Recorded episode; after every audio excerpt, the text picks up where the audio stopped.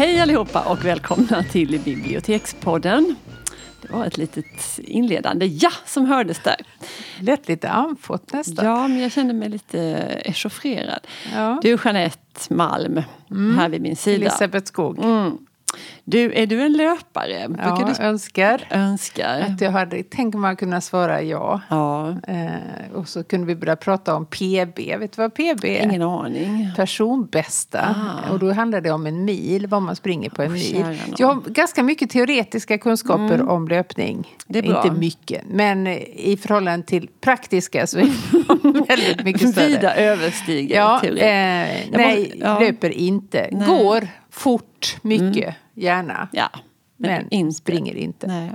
Alltså jag tycker, och det här, det, är någon, jag har en dröm om att, eh, den kommer ju aldrig att besannas, men det där med att ha ett snyggt löpsteg. Ja, ja, visst. Jag tycker det har en sån... Det ser man ju. Ja, visst. Alltså snack, när det ser sådär vansinnigt lätt, Lätt ut. ut, ja. Och snabbt och liksom hu- helt utan ansträngning. Det bara Nej. flyter. Det är som att se en häst komma, en Jag, rashäst. vet. Liksom. jag tycker det är något så avundsvärt i detta. Ja. Tror du att det går att lära sig? Eller antingen har man det eller har man det inte? Till viss del, som allt annat. Man tillägna sig det? Mm. Mycket är medfött, men absolut att du kan tillägna. Till en viss gräns. Du och bli. jag tror jag inte kommer du inte? någonsin att få eh, Åh. folk att säga vilket snyggt löpsteg de har, de där poddarna. Jag som precis tänkte att detta skulle bli mitt projekt för Ja, jag, ålderdomen. jag eh, inser begränsningarna, men det behöver inte betyda att du behöver göra det med dina. Nej.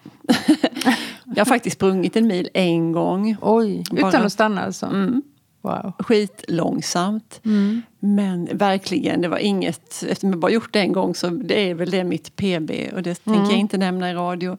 Men, något Nej men så du gjorde det, det frukt- tycker jag är jättebra. Ja, men det var så tråkigt. Det var Ja, så det är tråkigt. tråkigt. Kom du Ja. aldrig till det här välsignade tillståndet som alla löpare pratar om? Jo men det När gick bara- fort, gick över väldigt snabbt. Jo men jag, det Ja. har jag känt, jag har gett mig på det där lite då och då. Jag är fruktansvärt nöjd de perioderna när jag gör det. Och Mm. då pratar jag jättemycket om det.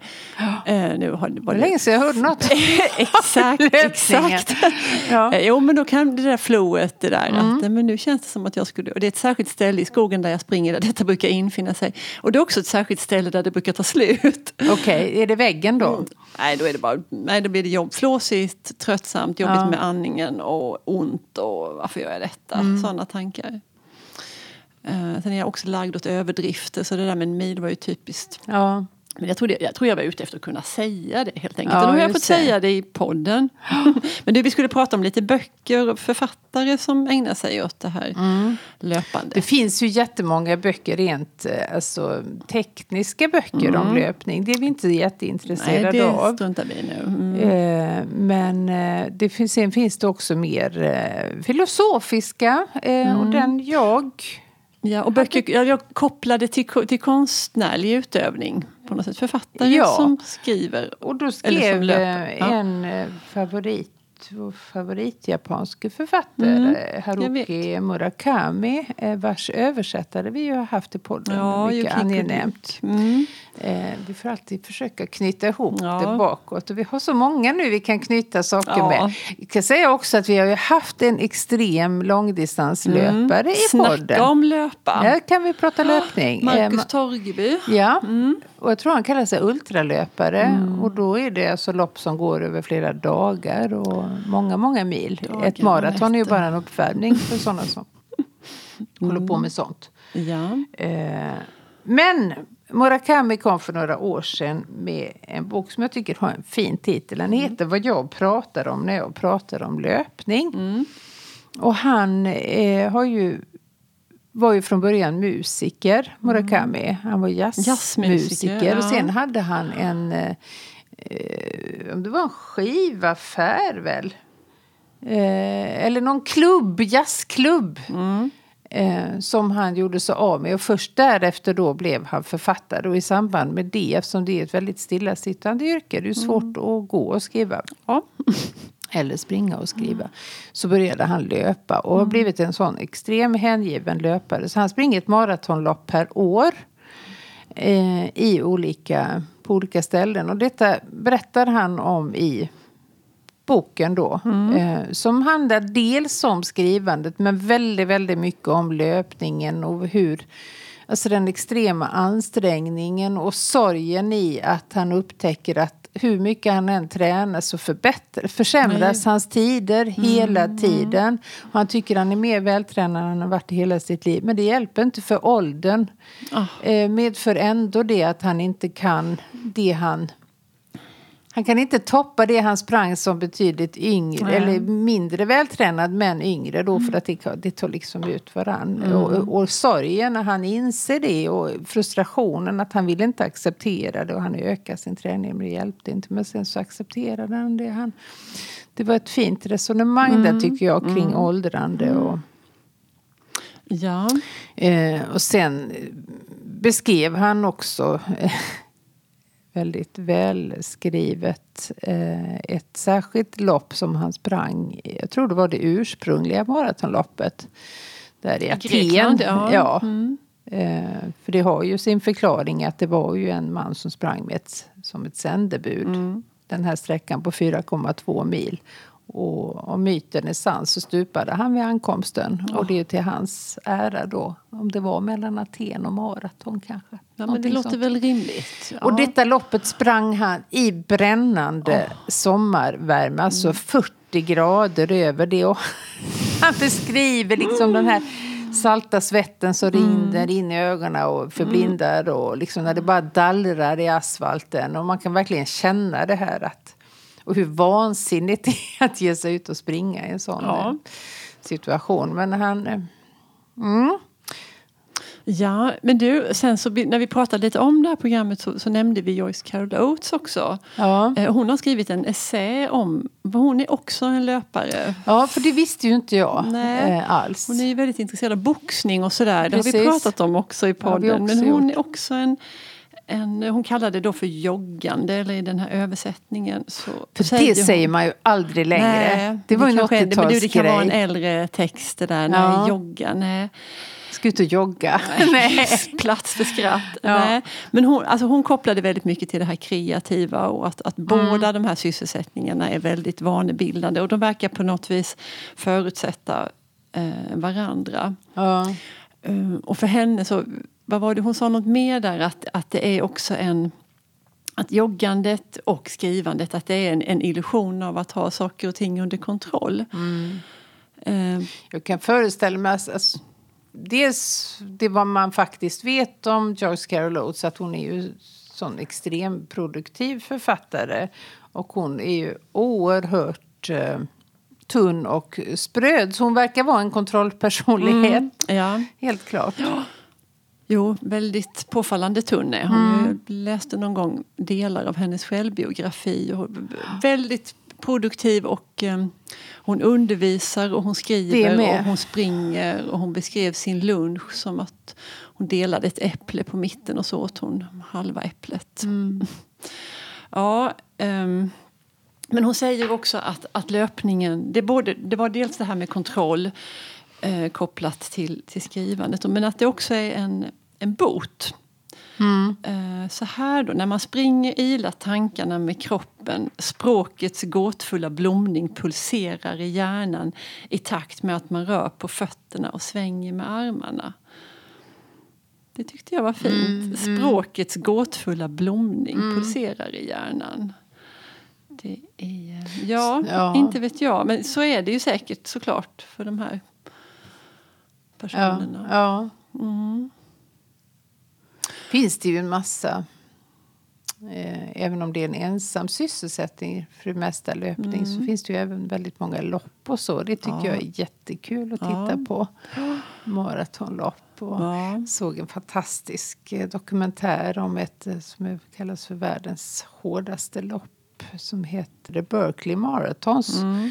Och den, jag kan knappt beskriva det för att det är så tufft så man tror inte att det är sant. Och det, det låter som att det är mycket uppför. Ja, det, är, det är, flera Mount Everest. Men är det Berkeley? Det är väl i Kalifornien någonstans? Ja, nej, men det har ingenting med Nähe. det att göra utan det är, är, namnet på en person. Mm. Och under alla år som det här loppet har funnits, i väl kanske bortåt en 20 år, så är det mm. bara 11 personer som har slutfört det, som faktiskt kommit till mål.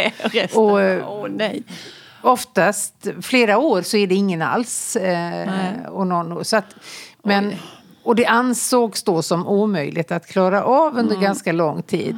Eh, och då menar man på att nej, men du får ju ändra, för det är en man som står bakom det här, en eldsjäl. Eh, du får ju ändra, det, det är ju ingen mening med att ha ett lopp där sträckningen, ingen nej. kan. Men sen visade det sig att det gick för att ehm, det var fler och fler som klarade det. Men jag tror det var 11 eller 15 totalt. Och det är väldigt få som får delta. Allting är så kryptiskt. Men den var oerhört intressant den här ehm, eh, dokumentären. Och det finns många sådana. Eh, Det finns ju också eh, Marcus Torgeby faktiskt. Eh, Löparens hjärta tror jag den heter. Ja. Eller det heter åtminstone boken som handlar om när han åkte till Afrika och tränade med kenyanska löpare. För de är ju de främsta i världen. Ja.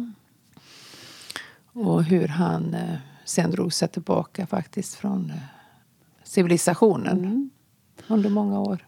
Precis, det kan ni lyssna sprang. på i, i podden. För det annat. pratade vi mycket om i, Vi pratade i podden. när han drog det. sig tillbaka från världen. Mm.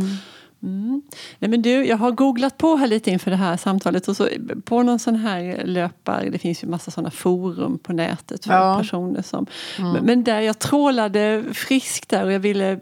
Jag hittade någon som, som menade, som tyckte att, att Karins Boy, Karin Boyes dikt i rörelse, att Mm. den...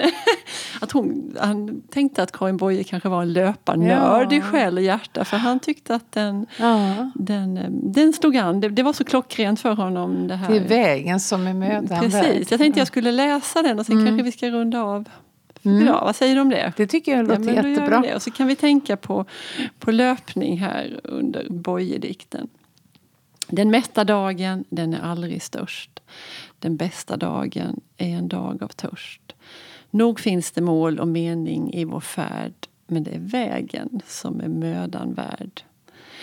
Det bästa målet är en nattlång rast där elden tänds och brödet bryts i hast.